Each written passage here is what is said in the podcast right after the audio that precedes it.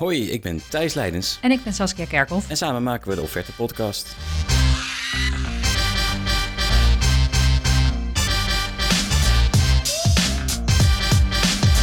De Offerte Podcast helpt je aan meer klanten door betere offertes te maken. En als je deze podcast toevallig voor het eerst hoort, luister dan ook even naar wat eerdere afleveringen.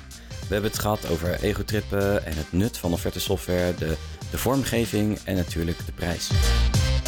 Ja, en vandaag hebben we het over de opvolging van je offerte. Want je kunt eh, nog zo'n goed verhaal op papier hebben gezet. Die opdracht moet je daarna nog wel even binnenslepen.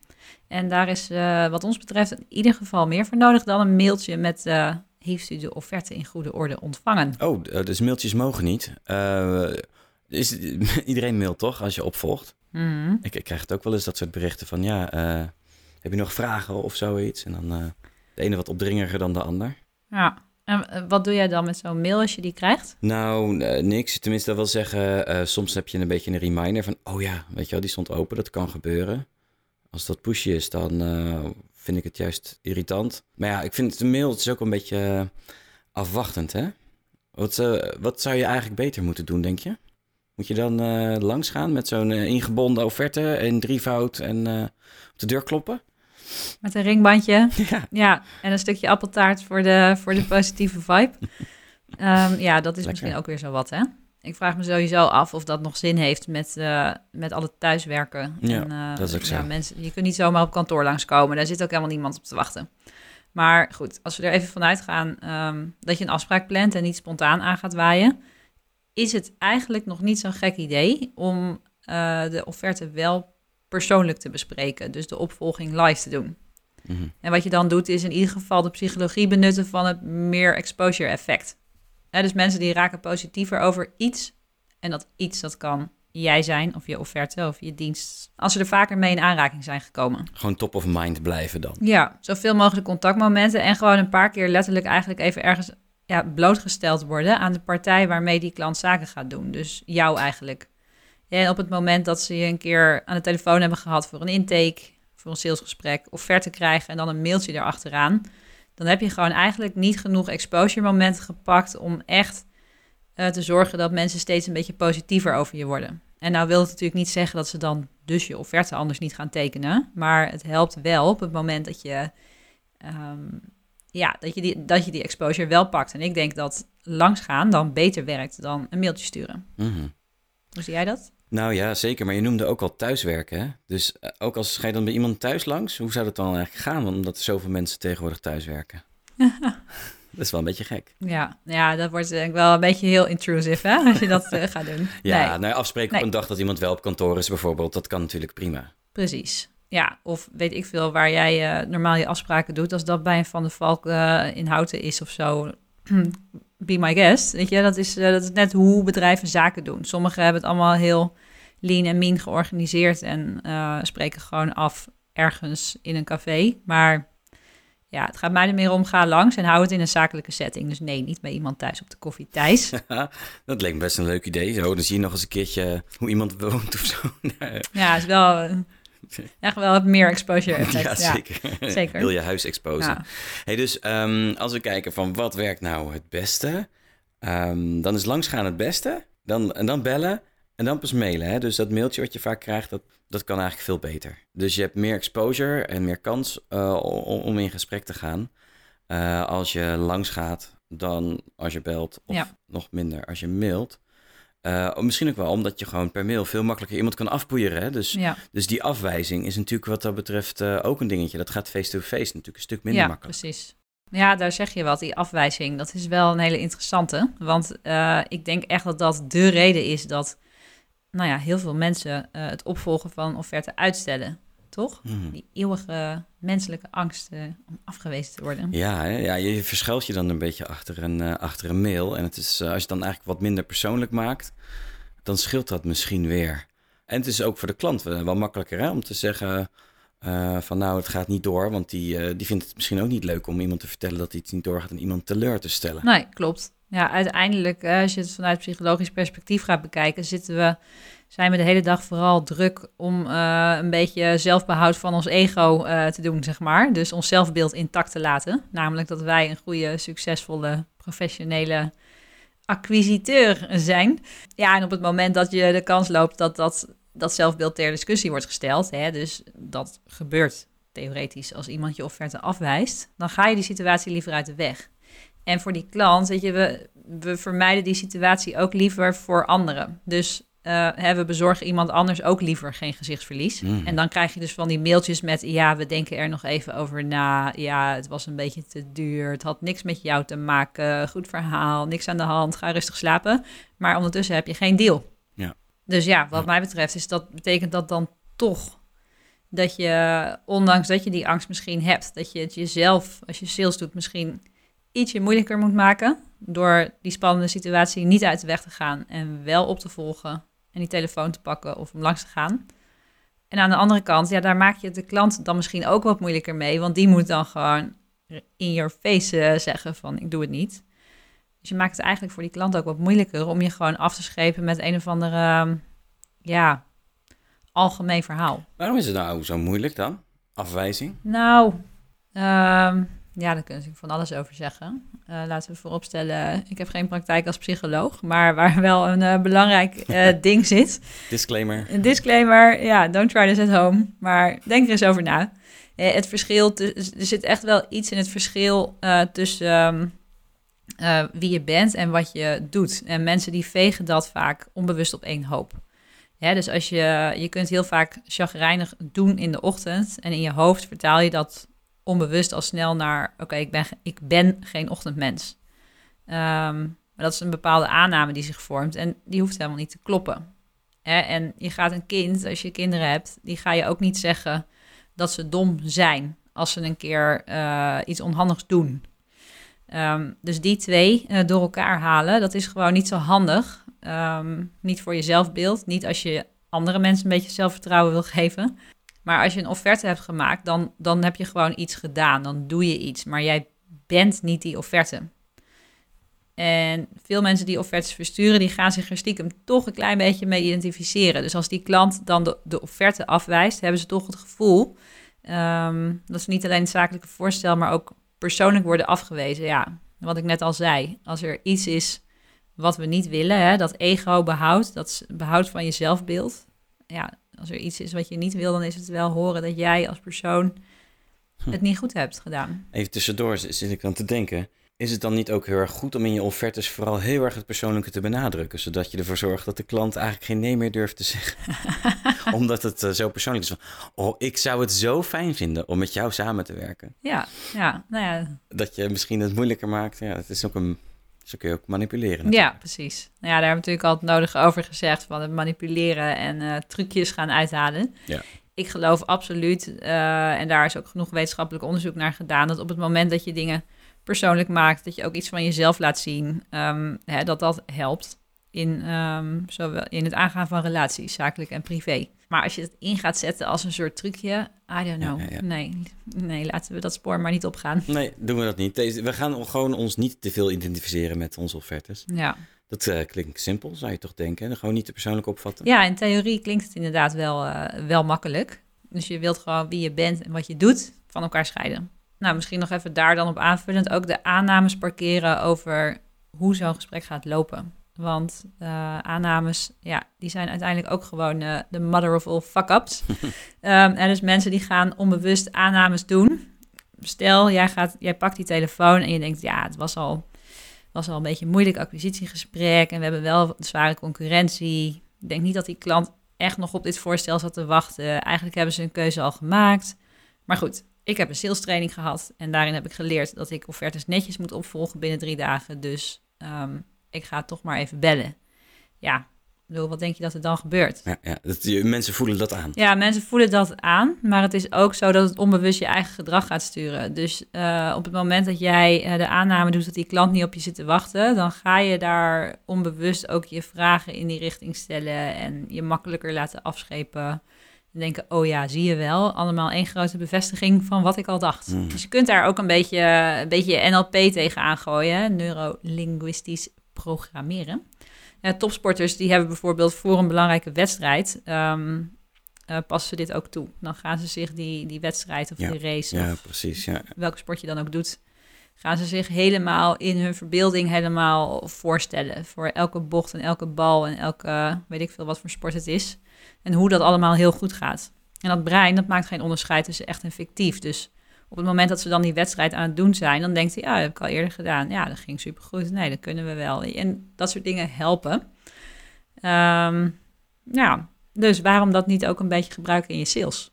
Wauw, dus eigenlijk moet je een beetje je mindset uh, helemaal inprogrammeren voordat je gaat opvolgen. Dus voordat je de telefoon pakt, heel even jezelf een beetje toespreken. Ja. Uh, we gaan er open in. Uh, het, gaat om, het gaat niet om mij, het gaat om het voorstel. Ja. Het gaat niet om de persoon, maar om de handeling. Ja. En dan ga je uiteindelijk makkelijker opvolgen. En naarmate je dat natuurlijk vaker succes, succesvolle nou ja, telefoontjes hebt, Mhm. gaat het ook steeds makkelijker, kan ik me voorstellen. Zeker, zeker. Maar goed, van dit uh, psychologische zijspoor weer even terug um, naar uh, waar we net mee bezig waren. Hè? Dus die offerte, hoe je hem gaat opvolgen en welke mindset je daarbij hebt, hadden we het net over. Mhm. Uh, hoe kijk jij naar de timing van die, van die opvolging, Thijs? Dus wanneer moet je dat gaan opvolgen? Ja, ja. Moet je dezelfde dag moet je hem versturen en daarna een kwartier later bellen? Hallo, ik heb de offerte gestuurd, heb je hem al gehad? Uiteraard niet. Nee, het, het lijkt me niet te snel, niet te langzaam. En wat dan het optimum is, tja, uh, ik zou zeggen, Hmm. binnen drie werkdagen wil je wel iets laten horen. Uh, en natuurlijk niet dat ze de offerte dan helemaal gelezen hebben en uh, intern hebben besproken, maar toch, een dag of drie. Drie dagen, oké. Okay. En, en wat is dan het doel van, zo'n, van dat drie dagen telefoontje? Dus wat vraag je dan? Want ik kan me voorstellen dat ze de inhoud dan nog niet helemaal hebben doorgenomen. Nee, nou ja, ik denk wat je in ieder geval niet moet vragen is... Uh, is de offerte goed aangekomen of zoiets? Dat was natuurlijk uh, vroeger toen ik per post stuurde nog wel uh, misschien een aardige. Zonder, koffie, zonder koffievlekken en scheuren. ja, precies. Is hij goed aangekomen en is de envelop? Ja, precies. Nee, dat, dat gaat altijd wel goed. Hè? De, de mail komt aan. Maar meer van, goh, wat was je eerste indruk? Uh, vind je het leuk om nog een keertje de offerte met elkaar langs te lopen? Uh, wanneer verwacht je hem te hebben gelezen? Uh, zullen we een vervolgafspraak inplannen? Iets dergelijks. Ja, ja, dus meer de procesvragen eigenlijk. Ja. Um, en ik zit te denken, hè, van wat nou, wat nou als zo'n klant dan zegt van ja, ik uh, geef me even de tijd, ik laat nog van me horen. Dus dat hij je eigenlijk een beetje op een zijspoor zet. Ja, ja. Um, hè, want sales trainers die hoor je dan vaak uh, van ja, je moet aansturen op een tijdstip en iets inplannen. Hè. Always be closing, ABC, always be closing. Um, dat komt op mij dan zo heigerig over. Dus, Ja. Maar ja, je wil ook wel de lijnen open houden. Hoe doe je dat dan? Ja, dat is sowieso lastig. Hè? Ik laat van me horen om die te pareren. Maar ik zou in ieder geval zeggen, eh, in, in onze cultuur en in het huidige tijdsgevricht is het denk ik altijd goed om het uh, informeel te maken. Door, door zoiets te vragen als van, hé, hey, uh, wanneer uh, zal ik aan je jasje trekken als ik nog niks heb gehoord? Hè, dat is meer een leuke informele manier om te zeggen. En, en als je dan op een gegeven moment een mailtje stuurt als reminder met uh, als onderwerp jasje, dan hou je het een beetje luchtig. Ik denk dat dat een goede manier is om, om er toch iets van een uitspraak uit te krijgen Ja. die wel vast in de tijd staat. Want Okay. anders laat je een beetje, uh, nou ja, dan, dan heb je niet meer goed uh, onder controle, die opvolging. Ja, precies. Dus je laat dan eigenlijk uh, de klant zelf de uitspraak doen wanneer, je, wanneer hij een soort van toestemming geeft van nou, dan mag je weer contact met me opnemen. En dan heb je ook gewoon een haakje. Maar dan niet op zo'n hallo meneer, meneer de L, heeft u de offerte dan nu wel doorgenomen, maar gewoon een beetje op een luchtige manier. Lijkt me wel. Werkt altijd het beste toch informeel. Denk het wel. Ja, ja maar dan hou je wel een beetje druk op de ketel. Is dat trouwens uh, ook de reden, denk je, dat bedrijven vaak een vervaldatum aan offertes geven? Dat ze een soort pressiemiddel hebben? Zo'n zo uh, deze offerte is 30 dagen geldig, weet je wel? Ja, die, die, uh, die kun je natuurlijk inzetten. Hè? Als een offerte bijna verloopt, van hé, hey, verloopt bijna. We, als je nog iets wil doen met elkaar, dan moeten we echt nu handelen. Maar ik denk ook wel, de belangrijkste reden dat er een vervaldatum op een offerte zit, is denk ik een juridische reden. Hmm. Een datum, een offerte Ja. zonder datum is namelijk een vrijblijvende offerte. Ja, Um, terwijl met datum is hij niet vrijblijvend. En dat heeft juridisch best wel een groot verschil. Dus dat zal er ook wel mee te maken. Maar je kan hem ook voor je opvolging gebruiken. ja, En ik heb het ook best wel vaak gedaan. Van, hé, hey, ik zie dat hij over een week verloopt. Uh, je, er- zullen er nog, uh, uh, zijn er nog onduidelijkheden? Kan ik je ergens mee helpen om voor die datum tot een uh, overeenkomst te komen? Hmm. Of iets dergelijks. Um, hè, dus je, je kunt er zeker inzetten. Maar ja, goed, als je dan daarop opvolgt, doe dat alleen als je... Als er echt iets gaat veranderen na die datum. Want vaak is het natuurlijk een verloopdatum niet echt nee, uh, iets waar veel mee wordt gedaan. Hè? Dat is denk ik in veel gevallen niet, niet zo heel erg relevant. nee. Uh, hè, dus uh, zeg dat je met de planning in de knel komt als ze later akkoord geven. Ehm, maar dan alleen maar als het echt zo is, hè? want anders dan weet een klant dat waarschijnlijk ook wel. Ja. Dus uh, schaarste creëren kan, hè? daar hebben we natuurlijk ook in eerdere podcasts over gehad. Maar bijvoorbeeld alleen als die klant zichzelf een deadline heeft gesteld. Ze zeggen, ja, we willen echt gewoon dit jaar, we, willen wij dit project af hebben. Um, uh, en als je zegt, ja, maar dat gaat niet meer lukken als je niet uh, tijdig Mm. akkoord geeft, dan heb je denk ik een hele, heel logische, legitieme nou, pressiemiddel te pakken. Ja, precies, want dan is het voor hen ook belangrijk. Ja. Ja. Nou, als je dit nou luistert en denkt, schaarste, schaarste, interessant. Uh, luister dan ook even de aflevering Lekker Belangrijk nog eens terug. Want daar zeggen we hier nog veel meer over. Ja. Ja. Hey, um, Ja. ABC, dat zei je, hè? Dat, daar sloeg ik even op aan. Always be closing. Ja, always be closing. Waarom zou je dat willen doen uh, uh, als sales? Het is toch super opdringerig? Ja, nou ja, ja, ja, ja, ja. ja. Er zijn natuurlijk, uh, ik denk wel dat het werkt als je oprecht gelooft dat een brutaal mens de halve wereld heeft. Hè? Dus uh, ergens om vragen kan soms best goed werken. Gewoon brutaal weg vragen en misschien krijg je het wel. Maar ik, uh, ik ben er wel van overtuigd dat je daar gewoon niet te snel mee moet zijn. Hè? Denk even aan dat meer exposure effect. Dus de klant heeft gewoon tijd nodig om, om steeds positiever over jou en over jullie aanbod te worden. Dus op het moment dat je in zo'n gesprek meteen al um, uh, gaat aansturen, zeg maar, op, uh, op de opdracht. Terwijl je voelt van er zitten nog wat bezwaren, dan sla je gewoon de plank mis. Mm, ja, precies.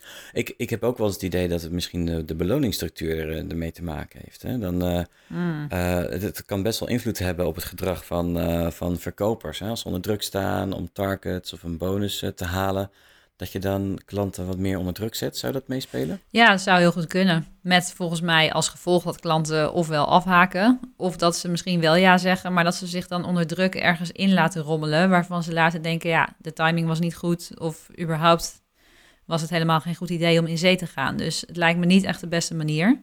Um, het lijkt me wel zeker aannemelijk, maar goed, je hoort, ik zeg het enigszins voorzichtig.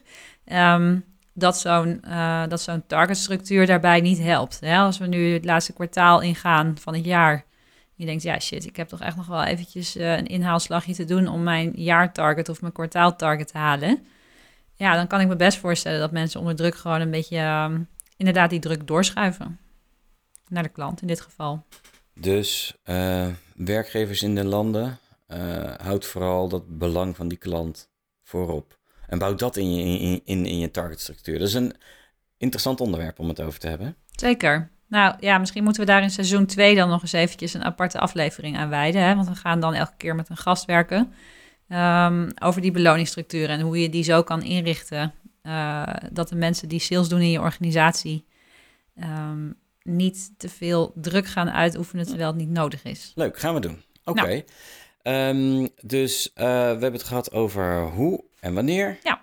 En uh, we hebben het over de angst voor, voor afwijzing, een kleine therapeutische sessie gehad. Um, wat mensen nou weerhoudt om überhaupt op te volgen. En misschien kunnen we het ook nog even over het, uh, het wat hebben.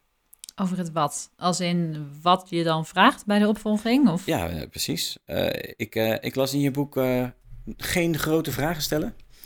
Nee, ja, klopt. Geen grote vragen stellen. Niet een vraag als in wat vond u van de offerte? Die is typisch te groot. Ik kan me best voorstellen dat je het wil weten. Alleen uh, een klant die kan daar niet zoveel mee. Dan denk ik, ja, jemig, wat vond ik van de offerte? Ik vond er zoveel van. Waar zal ik eens beginnen? Um, en je loopt uh, dan dus het risico dat als hij bijvoorbeeld één onderdeel van de offerte, als hij daar nog twijfels over had, dat hij dan zegt, nou ja, ik vond het wel oké, maar, en dan ga je het vooral daarover hebben. En of hij schiet gewoon in één keer de hele offerte af. Uh, dus als je een gestructureerd antwoord wil uh, en de klant een beetje in die positieve mindset wil krijgen, is het geen slimme startvraag. Dus je zou dan eerder deelvragen stellen over onderdelen? Zo van, uh, heb ik de vraag goed samengevat? Of had je raakvlakken in de aanpak? Um, mm. Welke opties pak je het meest aan? Zoiets? Ja, precies. Dat. Dus gewoon uh, beginnen bij stukjes uit de offerte. En dan is de klantvraag een heel goed vertrekpunt. En uh, wat je dan ook meteen benut is dat psychologische effect van consistentie. Ja, dus die hang naar consistentie die mensen hebben. Als we eenmaal een paar positieve antwoorden hebben gegeven. Um, dus gezegd, ja, ik herken me in de vraag. Ja, die aanpak heeft raakvlakken. Nou, die en die optie sprak me het meeste aan. En je komt daarna met de vraag van, goh, dus wat vond je van de offerte als geheel? Zullen we eens een vervolgstap zetten? Dan is het heel raar en inconsistent eigenlijk in je hoofd om dan te zeggen, nou nee, dat gaan we niet doen. vond alles geweldig, maar nee. Ja. Dus ik heb al een paar keer ja gezegd en dan Ja, ja. is die kans groter. Dus bouw het rustig op van klein naar groot. Dan mag je daarna je always be closing doen. ja, precies. Dan ga je lekker ABC'en. Dan ga je daarna lekker ABC'tje doen. Ja, ja. Hey, ik zit ook nog heel even eh, na te denken als nog een extra zij- zijpaadje. Wat, wat wel eens gebeurt, is dat je een offerte ehm, aanpast. Dat je hem nog verder verbetert. Mhm. Eh, omdat je bijvoorbeeld ergens eh, ondertussen eh, iets hebt geleerd. Of dat je misschien zegt van... hé, hey, ik kan eigenlijk deze bepalingen nog ietsje beter formuleringen, Ja. voor formuleren. Is dat misschien een idee om, om als aanleiding ook te gebruiken... Om, om, om weer met elkaar in contact te komen? Hoe bedoel je? Dus dat je dan... Dat je een offerte aanpast, dat je hem eigenlijk verbetert. Van hé, hey, ik heb er nog eens over nagedacht. Zou ik dit. Ik heb, ik heb hier een verbetering aangebracht in de offerte. Dat kan iets juridisch zijn. Het kan eh, misschien dat je een extra idee hebt gehad. En dat je dat ook erin meeneemt. Oké, ja, ik dacht dat je bedoelde dat je hem na de opvolging aanpast. Denk ik, ja, dan moet je hem sowieso nog een keer bespreken. Maar eigenlijk proactief, zonder dat die klant van iets weet, heb jij gewoon al gewoon iets extra's erin gestopt. Ja, ik zat er nog eens over na te denken. En ik heb even een paar zinnetjes toegevoegd. Want eh, dat zou misschien wel een betere opzet zijn. Ja. Kan werken. Kan zeker werken. Ik denk ook dat het goed is om in je achterhoofd te houden dat het ook, het zou ook ehm, een beetje achterdocht kunnen opwekken. Van oké, heb je dan echt alleen dat aangepast? Of moet ik nou die hele offerte weer opnieuw gaan zitten spellen om zeker te weten dat je er niet nog iets anders in hebt gefietst? Maar dat is wel heel wantrouwig. Hè? Laten we er even van uitgaan dat mensen zo niet eh, in de wedstrijd zitten. Ja, dan kun je dat erbij gezet. Ik heb de offerte verder niet veranderd. Precies. Eh, in een regeltje. Dan geloof ik wel dat dat over het algemeen eh, wordt geloofd. Ja. Belangrijk natuurlijk Ja. dat je dat ook daadwerkelijk ook niet doet. Dat je dat niet doet. Nee. ik heb dat in het verleden wel eens gedaan. En het is wel eens een, een prettige manier om weer met elkaar in gesprek te komen. Ook omdat je dan aantoont dat je toch ook de hele tijd ermee bezig bent Ja. in je hoofd. Ja, en een beetje afhankelijk van het type project wat je verkoopt, kan het interessant zijn als, als extra techniekje. Ja, ik denk dat deze heel mooi past onder de vlag van dat meer exposure effect. Hè? Dus dat, ehm, Ja. dat je gewoon weer even een contactmoment hebt en laat zien dat je erover nadenkt. Dat het je echt interesseert, dat je met de beste oplossing voor ze komt. Eh, dus dat dat alleen maar positief kan werken. Ja. Precies. Ja. Volgens mij hebben we wel een paar mooie dingen op een rijtje gezet hè, over de opvolging van, van offertes. Langsgaan is het beste voor de exposure. Zeker. Eh, maar goed, je moet het dan wel van tevoren plannen en niet te opdringerig zijn. Als dat niet lukt, dan bel je. En als het echt niet anders kan, dan stuur je een mail. Oké. Nee. Ehm, dan eh, hebben we het gehad over het wanneer. Dan zeggen we nou, doe het in een dag of drie. Ja. Eh, en probeer daarin ook een afspraak te maken voor een goed moment om het inhoudelijk door te spreken. Ehm, mochten ze hem laten liggen, nou, probeer het dan op een informele manier weer een beetje vlot te trekken. Hè, vraag wanneer je ze weer aan een jasje mag trekken. En dan eh, heb je weer een, eh, een leuk haakje om, eh, om een volgend gesprek aan te hebben. Ja. En dan ehm, belangrijk om als je het gesprek met elkaar aangaat, geen algemene vragen stellen, maar deelvragen over de offerte, wat de klant ervan vond. En daarna pas vraag je naar een echt meer een definitief oordeel over de offerte als geheel. Mooie samenvatting. En nog even over die psychologie. Als je merkt dat je een drempel ervaart om offertes op te volgen, eh, maak het niet te persoonlijk. Nee, dus scheid wat je doet, offerte maken en wie je bent. Gewoon jij als persoon. Ik leer van die topsporters, hè, dat, die, die, die hun mindset programmeren. En ehm, nou, misschien kun je dat ook een beetje doen voordat je gaat opvolgen. Want echt, als je gelooft dat het een positief gesprek wordt, dan eh, is de kans ook veel groter dat het dat echt wordt. Nou, die ga ik zeker eh, meenemen, want dat eh, speelt bij mij wel hoor, dat, eh, dat opvolgen. Dat is niet altijd iets wat, wat, mijn, eh, wat mijn grootste kwaliteit is, dus die neem ik even mee. ja snap ik. Hey, dit was de laatste Ja. aflevering van seizoen 1. Ja, In seizoen 2 hebben we iets anders voor jullie in petto. Ehm, we hebben dan namelijk in elke uitzending een expert te gast op het gebied van sales en offertes. Wil je een onderwerp aandragen? Ken je een gast die we echt moeten interviewen, die super interessant is op dit vlak? Stuur even een mailtje naar info.offertepodcast.nl. Hey, en eh, als afsluiter dan van dit laatste seizoen, Thijs. We kunnen natuurlijk niet onze vaste rubriek met tips eh, overslaan. Heb je er nog één? Ja, die gaan we er ook wel inhouden, toch? Ze zijn zo waardevol, zoals deze. Ehm, eh, ga in Nederland op vakantie, zou ik na deze zomer wel willen zeggen. het is echt zo verschrikkelijk warm. Ja. In alle landen onder ons en het is hier nog net te harde. Maar als je dan toch echt naar Frankrijk moet, neem zo'n toll badge. Kun je gewoon bij de AWB krijgen. Ehm, dan kun je lekker doorkarren.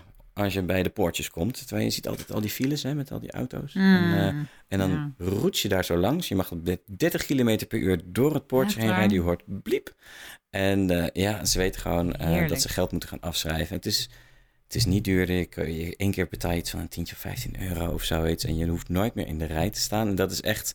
Dan ga je zo met je hand omhoog Ja, langs al die mensen die in de file staan. En dat is altijd een heel erg lekker gevoel. Nou, steeds meer mensen doen het. Het is al een paar jaar is het in zwang. Maar ehm, ik zeg het nu, om, ook al is het natuurlijk net de zomer geweest, omdat de- door het chiptekort die dingen nu niet te verkrijgen zijn. Dus als je je, hebt nog een jaar. als je er nu werk van maakt, dan heb je tegen de tijd dat je de volgende keer overweegt om naar Frankrijk te gaan, heb je die Ja. tollbadge eh, onder je eh, spiegel hangen. Dus dat is eh, een absolute toptip. Nog even uitsmijtje aan het einde van de vakantie. Precies, misschien alvast voor de wintersport. Nou, top. En jij? Ja, ik ga zo eventjes een, eh, een linkje in de show notes zetten van een eh, video die ik op eh, een TikTok-video die ik op LinkedIn voorbij zag komen.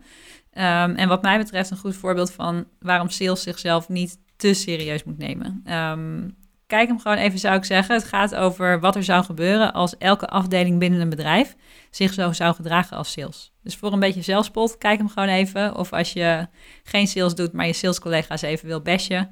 We zetten hem in de show notes. Die show notes vind je natuurlijk eh, op offertepodcast.nl. Ik zat net nog even... Mag er nog een tipje bij? Ja joh, Het is gewoon een boek. Ja? een boek. Omdat, je het, omdat we het hadden over die mindset. Eh, en mindset is ook de titel van een boek van Carol Dweck. Mhm. En het is precies eigenlijk het verhaal over dat je de handeling en de, Ja. eh, de persoon eigenlijk van elkaar moet scheiden. Ja. Dus ehm, ik weet niet of dat je hem ook kent, Saskia? Zeker, ja, echt een aanrader. Ja, zeker. Fantastisch boek. Misschien heb ik hem ook wel eens eerder getipt. Wie zal En hij is wetenschappelijk onderbouwd, daar hou ik ook wel van. Ja, zeker. En ik denk dat je daar ook eh, eh, niet alleen als professional, maar als persoon heel veel aan kan hebben.